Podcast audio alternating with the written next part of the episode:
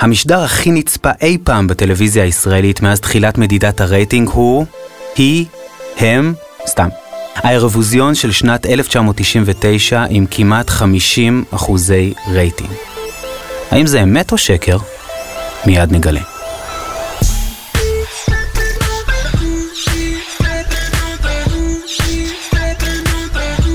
המאסטרים, המרצים הטובים בישראל, מגיעים אליכם עם קמפוס אייל, המיזם הלאומי ללמידה דיגיטלית.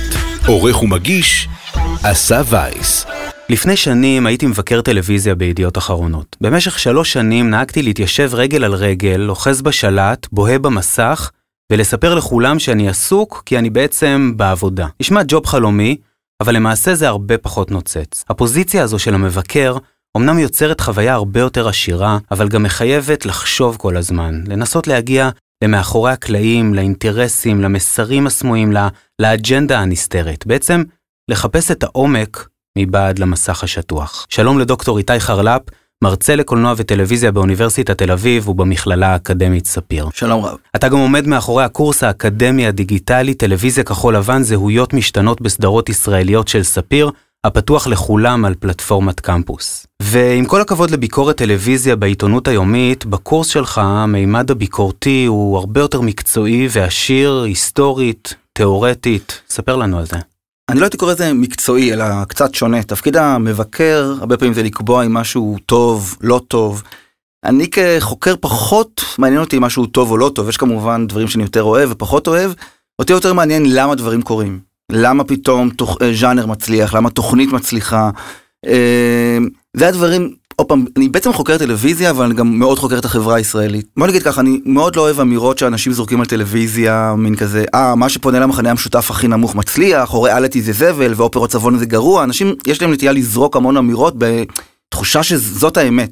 Mm-hmm. אבל מחקרים מראים שהאמת טיפה יותר מורכבת, לדוגמה אופרות סבון הן הרבה יותר מורכבות ממה שרוב האנשים חושבים. וריאליטי לא מצליח רק כי הוא נחות, אלא כי הוא הרבה פעמים פוגע באיזה בעיה מאוד מהותית בחברה, לדוגמה, בחברה שבה הפערים הכלכליים הולכים וגדלים, אולי לתוכניות ריאליטי שמוכרות אשליה של הנה אפשר להצליח, יש משמעות. אז במקום לשאול אם משהו טוב או לא טוב, אני שואל למה. למה זה קורה? מה קרה בחברה הישראלית שאפשר פתאום לסדרה כזאת לא רק להיות מופקת, אלא גם להצליח. אתה אומר בקורס, ומאוד אהבתי את החלק הזה, שאף אחד לא מלמד אותנו באמת איך לראות טלוויזיה, ושבדיוק לשם כך הקורס נועד. אז uh, מצד אחד אני מאוד מזדהה, אבל אולי לא מאוד כדאי ללמוד איך לראות, כי זה די הורס את כל הכיף. הכיף לפעמים נהרס, בייחוד שאתה uh, אדם בוגר, ופתאום חושפים לך כל מיני תהליכים.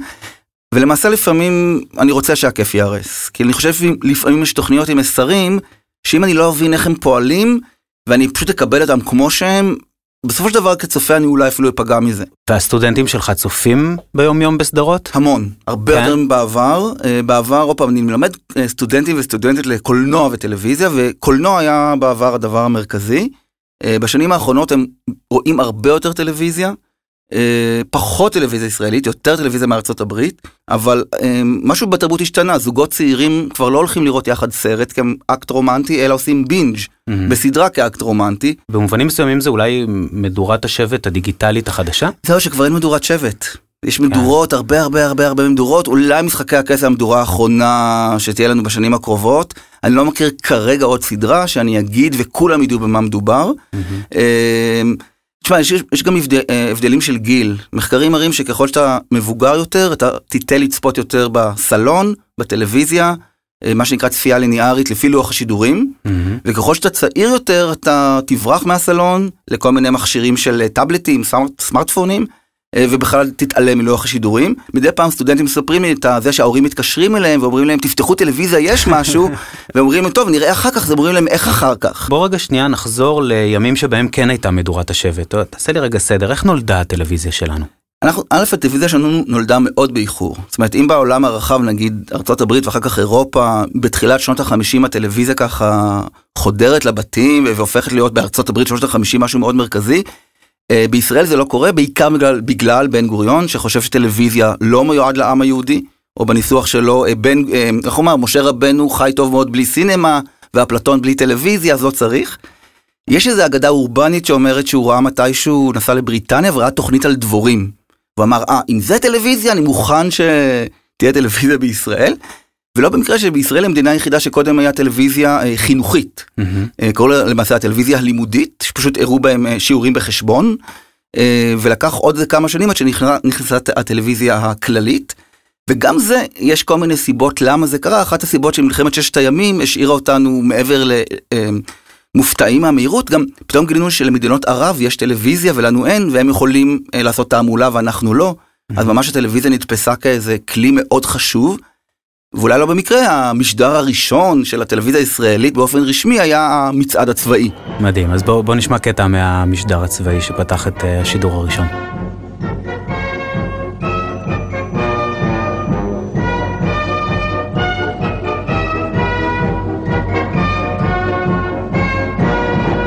לפני שנה הייתה על גג נוטרדם העמדה הקדמית של צה"ל, הצופה למול העיר העתיקה ועמדות הליגיון הערבי. היום מוצבת מצלמת טלוויזיה על גג נוטרדם, במקומם של הרובים והמקלעים. היום משדרת הטלוויזיה הישראלית שידור ניסוי ראשון. והנה המצעד מתחיל. חיילי משמר הנשיא ותזמורת צה"ל נכנסים דרך שער הכניסה של המצעד אל רחבת הטקסים. טוב, אפשר להפסיק להצדיע, אבל בוא רגע ספר על עשרות השנים שבהם הטלוויזיה חד-ממדית. הטלוויזיה הייתה אה, די חד-ממדית. אה, הערוץ הראשון בסופו של דבר שידר... אה, למרות שעל פי החוק הוא מנותק מהממשלה ומנותק, הוא בכל זאת בסופו של דבר שידר את מי שהיה הקבוצה המרכזית או ההגמונית אז ב- בישראל שזה האשכנזים. התפיסה הייתה, דרך אגב, גם ה... בחוק רשות השידור, והשרים דיברו על זה שדרך הטלוויזיה נחנך את הציבור, בין היתר זה נאמר במפורש, לא במפורש, נלמד את אותם יהודים שלא מכירים תרבות גבוהה, ותרבות גבוהה הכוונה לתרבות אירופאית, מה זה תרבות. אז אפילו שיש פסטיבל זמר, אז יש פסטיבל זמר ישראלי, ואז מזרחי כאילו זה איזה משהו שהוא אה, נלווה ולא חלק מהישראליות. כשאני מראיין את אה, פרופסור סמי שלום שטרית בקורס שלי ושואל אותו על חדווה ושלומיק, אז הוא אומר שהוא חווה את זה כמו איזה אה, כמעט סדרה מחו"ל, זאת אומרת, זה נראה לו משהו דומה, אבל הוא לא הכיר אנשים כאלה. זאת אומרת, זה, זה אנשים אולי בתל אביב, אולי זה המורים שלו. אז זה שלא באמת הראו את הישראליות, יותר הראו איזה פנטזיה של ישראליות. דרך אגב, גם אה, ויכוחים מאוד גדולים שהתחילו בשנות ה-70, בין אם זה הפנתרים השחורים, בין אם זה ההתנחלויות, בין אם זה אה, חרדי, אה, יהוד, אה, דתיים חילוניים. הטלוויזיה אולי עסקה בזה בחדשות, קצת, קצת בניקוי ראש, תוכנית הסאטירה, אבל לרוב ניסתה עדיין לתת תחושה של אה, אה, מין עם אחד בלי בעיות, וכמה שיותר ממלכתי כמובן. זה, עד כמה אתה חושב זה איזושהי החלטה מערכתית מגבוה, ועד כמה זה בסופו של דבר פונקציה של זהות היוצרים של אותם שנים? זה מאבק אה, תמידי בין אה, רצון לשמור על קונצנזוס, שקיים גם אצל חלק מהיוצרים וגם כמובן מלמעלה, ורצון של יוצרים להביע את עצמם, וזה קרה כל הזמן, עוד פעם, זה קרה בניקוי ראש. זה קרה בדרמה שקראו לה חירבת חזעה, שרם לוי עשה דרמה על גירוש של פלסטינים ב-48. זאת אומרת, המתח הזה בין האם אנחנו אה, אמורים אה, לשקף איזה קונצנזוס, או לחילופין לערער אותו, הוא מתח שהיה קיים שם. כאשר בסופו של דבר הקונסנזוס רוב הזמן ניצח. ערוץ 2 לא כל כך שבר את הקונסנזוס כמו שהוא עשה אה, את הקונסנזוס הרבה יותר כיפי. Mm-hmm. זאת אומרת, שאתה מסתכל על... בידור שעשועונים ריאליטי. בידור, בדיוק. זאת אומרת, א', שני הז'אנרים הכי פופולריים בהתחלה היה טוק שואו, והשעשועונים, מי שזוכר את עשינו עסק ואת גלגל המזל, וכמובן דודו טופז שעשה הכל מהכל. אמ, ערוץ 2 הואשם בהתחלה כמישהו שמשדר בעיקר זבל, או כמו שהגדיר חוקר תקשורת גבי ויימן, מדורת ההבלים. אם דיברנו קודם על מדורת השבט, mm-hmm. אז הנה מדורת השבט היא מדורת ההבלים. Uh, הרבה מאוד חוקרים יצאו נגד ערוץ, לא רק חוקרים, גם uh, מבקרי טלוויזיה, שמוכרים לנו זבל ושטויות, ו... ו לפעמים היה צדק בדברים, מצד שני, אנשים התחילו סוף כל סוף לראות את, קצת יותר את עצמם בטלוויזיה, ולא אנש, אה, אה, אנשים עם עניבות ו, ומדברים בשפה גבוהה שהיא לא קשורה אליהם. גם אולי חתירה לאיזושהי נורמליות. כן, צריך לזכור ששנות התשעים היה גם אה, הפנטזיה הזאת שאו-טו-טו פורץ שלום. כן. אוקיי, אנחנו מדברים על אה, אה, שרבין בשלטון, ולפחות השמאל הליברלי מרגיש שאו-טו-טו הם יכולים לחיות כמו, כמו, ב, כמו באירופה. וזה אה, בא לידי ביטוי בסדרות, בדרמה? זה א', נתחיל בזה שערוץ 2 עושה דרמות. ערוץ 1 כן. לא דיברנו על זה, כמעט לא עושה דרמות, הוא עושה דרמות בודדות, שזה מין סרט טלוויזיה קצר, הוא עושה את אה, חדווה ושלומק שדיברנו ועוד, אה, ועוד סדרה, אבל הוא לא עושה סדרות, זאת אומרת, הוא, הוא די נמנע מזה, ערוץ 2 לוקח לו זמן, אבל הוא מתחיל פשוט להפיק סדרות, וסדרות עם עונות. נראה לנו ברור היום, אבל זה לא היה, לא היה אף סדרה עם עונה בישראל עד שנות התשעים. Mm-hmm. ואז יש את בת ים ניו יורק, ואת פלורנטין, ואת הפוך. ואם דיברנו על התחושה של החופש, אז גם הפוך וגם פלורנטין שיקפו את, ה, את הרגע הזה שבו הצעירים בישראל רוצים לחיות כמו בחו"ל, או כמו שנאמר בשיר בפלורנטין, חי בפלורנטין, חולם על ניו יורק סיטי. אז אולי זו הזדמנות לשמוע קטע קלאסי מהסדרה פלורנטין, קטע שמבטא את הרוח הערוץ 2. אני חייב להגיד לכם משהו. מה ילד? אני מרגיש שאני צריך להגיד לכם משהו. מה קרה, תומר? זה לא קרה, זה... אני מרגיש שאני לא יכול יותר להסתיר את זה ממכם. זאת אומרת, אני הייתי מאוד רוצה שתדעו, אני לא יודע אם זה יבוא לכם בהפתעה, זה כאילו... אתה לא מנסה להגיד לנו שאתה שייך לאיזה תנועה ימנית או משהו? לא, זה לא, זה בכלל לא זה. אז מה זה? אני חושב שאתם צריכים לדעת... שמה? ש... שאני לא אתחתן. תומר, מה אתה רוצה? אני, אני מרגיש שאני צריך לספר לכם שאני מעדיף שאני הומו. מה? מה, מה אמרת? מה ששמעת. תגיד לי, אתה השתגעת? מה זה השטויות האלה? זה לא שטויות, זו האמת. עכשיו בלוויה זה מה שיש לך להגיד? מה שמעניין בקטע הזה זה לא רק היציאה מהארון של דמות שזה משהו שלא ראינו בישראל באותם שנים, אלא התזמון שבו התסריטאים, או אם אתם רוצים תומר, בוחר לצאת מהארון, זה כאשר המשפחה צופה בהלוויה של רבין. עכשיו, רבין ב-95 זה קונסנזוס, בטוח אצל הציבור הליברלי-שמאלני בישראל, ופתאום לדבר על עצמך.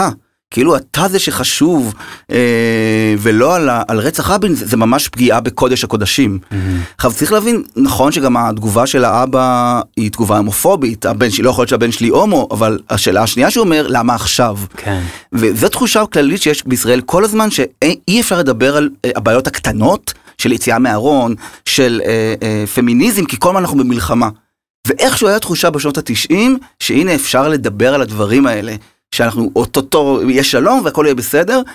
וגם צריך להבין שאנחנו יותר ויותר נחשפנו לעולם, זאת אומרת פעם טיסה לחו"ל הייתה סיפור מאוד מאוד מסובך. שנות ה-60 אנשים נוסעים יותר לחו"ל, רואים יותר טלוויזיה מחו"ל, ויש רצון להיות כמו שם. טוב, נעשה עכשיו עוד קפיצה גדולה לימינו, כשהטלוויזיה תופסת לנו כבר uh, שליש מהקיר בסלון. Uh... כן ולא, כי אולי לך שליש, אבל לחלק מהחבר'ה הצעירים הטלוויזיה נמצאת ביד. 아, למעשה, למעשה, בזמני קראנו לטלוויזיה המסך הקטן. עבור הרבה חבר'ה צעירים, הטלוויזיה זה המסך הגדול. Mm-hmm. המסך הקטן זה הסמארטפון שלהם. כן, או הטאבלט. או הטאבלט, או...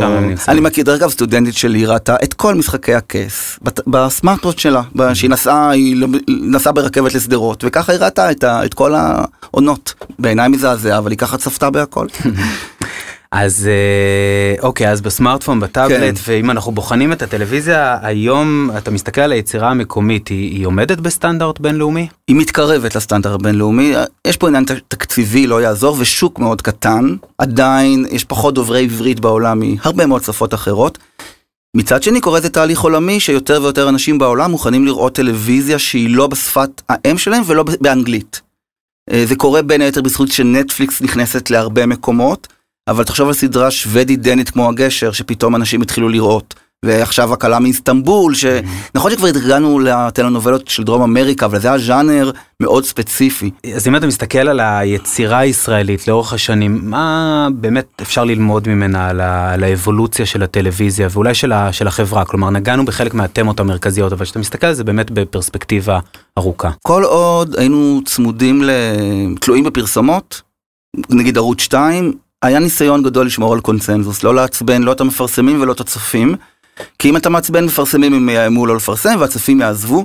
ברגע שזה הפך להיות שאנשים קונים את השירותי שירותי טלוויזיה שלהם, נטפליקס, ניתן לראות יותר ויותר טקסטים טלוויזיוניים שיוצאים נגד הקונצנזוס, שמים סימני שאלה על מיתוסים מאוד מרכזיים בחברה הישראלית ועל ערכים כמו אה, צה"ל ו... אה, טוהר הנשק וציונות, פתאום עולות שאלות, לא תמיד יש תשובות. זאת אומרת, לא תמיד התשובה היא, היא אנחנו לא בסדר, אבל כן עולות שאלות.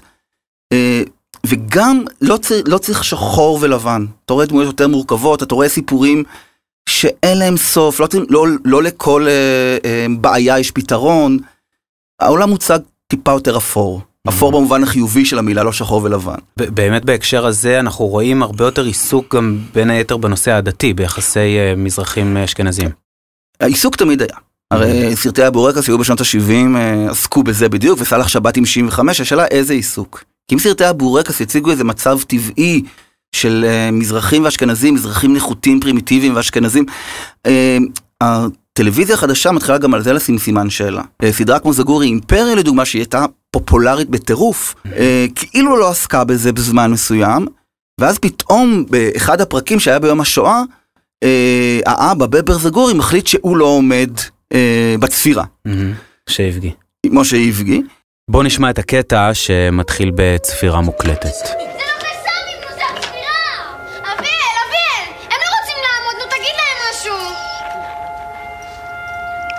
נו מה, אתם חרשים? יש צפירה, תעמדו. זה לא המשפחה שלי שמתה, אני לא עומד. זה העם שלך, תעמוד. זה לא העם שלי. העם שלי הגיע לארץ הזאת מאושר, ארמונות ופאר, והם הרסו לנו את החיים. באמת סליחה שלא הרגו גם אותנו. לא עומד. אם הוא לא עומד, גם אני לא עומדת. אני יש לי פתאום. הרגליים מאוד כואבות לי. לא צריך, אל תעמדו. גולי עזבי, אנחנו עומדים אנחנו. לא רוצה. גולי. בואי הנה.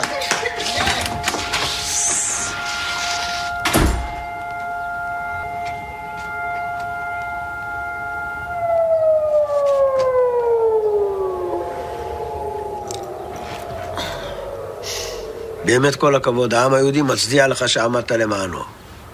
אין לכם חשוב מה אתם, אה? כל אחד והכאב שלו.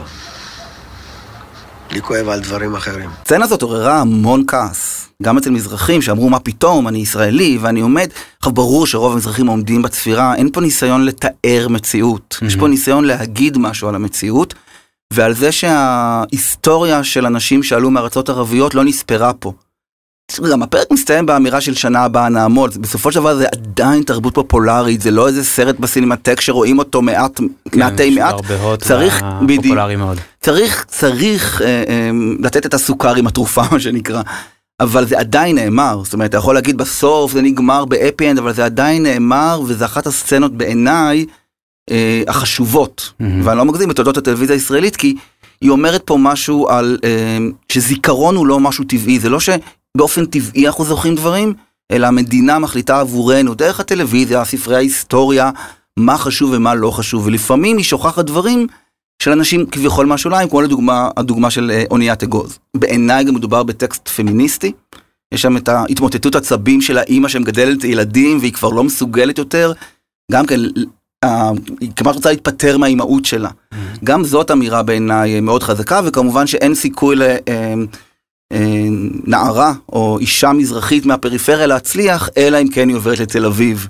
הזכרנו המון uh, סדרות ובאמת רוצה לשאול אותך דוקטור לטלוויזיה, מה לדעתך התוכנית שעשתה את המהפך הגדול ביותר בטלוויזיה הישראלית? אם אנחנו מדברים על מה שקורה עכשיו, אז התוכנית הכי חשובה בישראל זה בטיפול. Mm. בטיפול פנתה לקהל שעד אז טען שלא רואה טלוויזיה, או שלפחות אם הוא ראה זה חדשות אבל לא uh, דרמה. ופתאום היא מציגה משהו שהוא יותר עבורה מורכב. צריך לזכור, גם יש שם אנשים שהולכים לפסיכולוג, באותם שנים ללכת לפסיכולוג בישראל אם אתה במעמד מסוים זה ממש נחשב. זה... וגם הסדרה הציעה סיפור, סוג של סיפור אחר, במקום סתם פרק אחרי פרק, כל פרק מטופל אחר עם כל מיני קשרים שנוצרים. אז התחיל שיח, אני לא יודע כמה אנשים ראו את בטיפול, אין לי נתונים, אבל העיתונות כל כך התלהבה וכל כך אהבה שפתאום טלוויזיה נתפסה אומנות, ויותר מזה בטיפול נמכרה ל-HBO. Mm-hmm. זה פעם ראשונה שבמקום שאנחנו נקנה, אז אנחנו מוכרים, עדיין מדובר בתקופה שמכרו בעיקר פורמטים. לא חשבו שאנשים ירצו לשמוע בעברית, ו-HBO שזה הלא טלוויזיה בארצות הברית אם אתה רוצה, אה, עושה על זה גרסה אמריקאית ואפילו מוסיפה עוד עונה, יש שם שלוש עונות.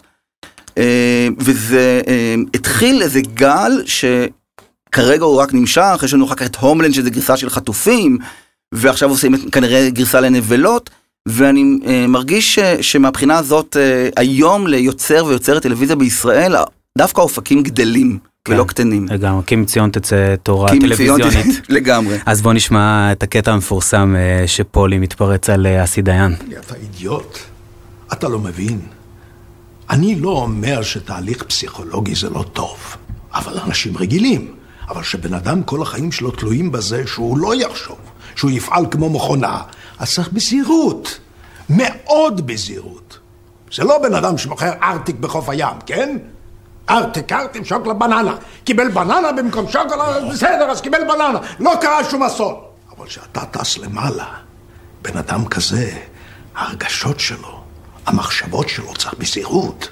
לא, זה בום, טראח, שהוא יחשוב על כל מיני דברים באמצע שהוא צריך להזיז את הידית ימינה, הוא יעשה את השמאלה. עם איזה ידע ממש התלמידים יוצאים בסוף הקורס? תלוי איך הם נכנסו. אה, יש הרבה חבר'ה צעירים שלא מכירים הרבה מההיסטוריה הישראלית, והם פשוט נחשפים שם. אה, סטודנטים שפעם ראשונה שמעו נגיד על אה, משפט קסטנר, mm-hmm.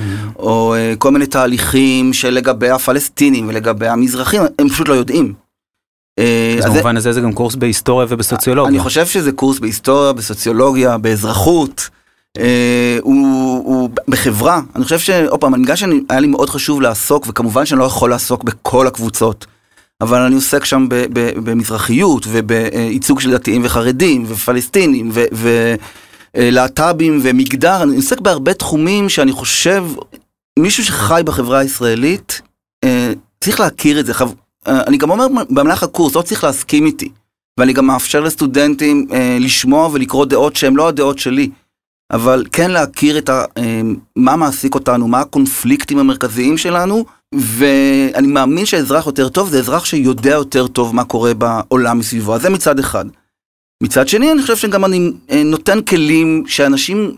כאילו מכירים אבל לא לגבי טלוויזיה, ופתאום נותן איזה שמות שאולי לא הכירו, פתאום עושה כישורים.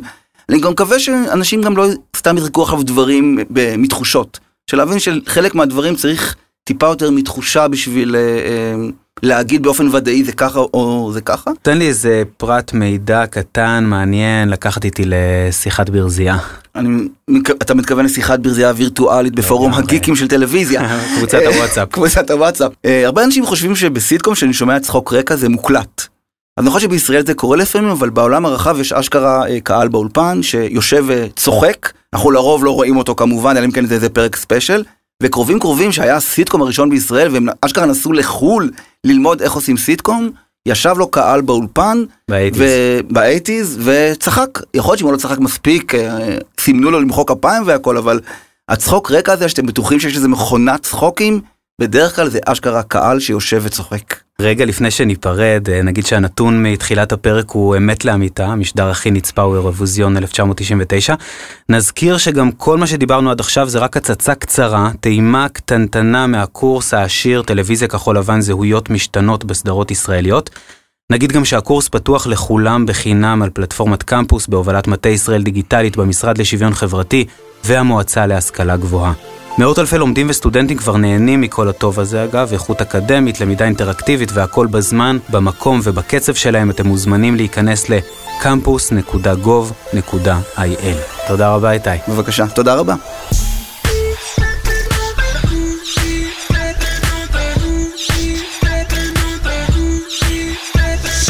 המאסטרים, המרצים הטובים בישראל, מגיעים אליכם עם קמפוס אייל, המיזם הלאומי ללמידה דיגיטלית. עורך ומגיש, אסף וייס.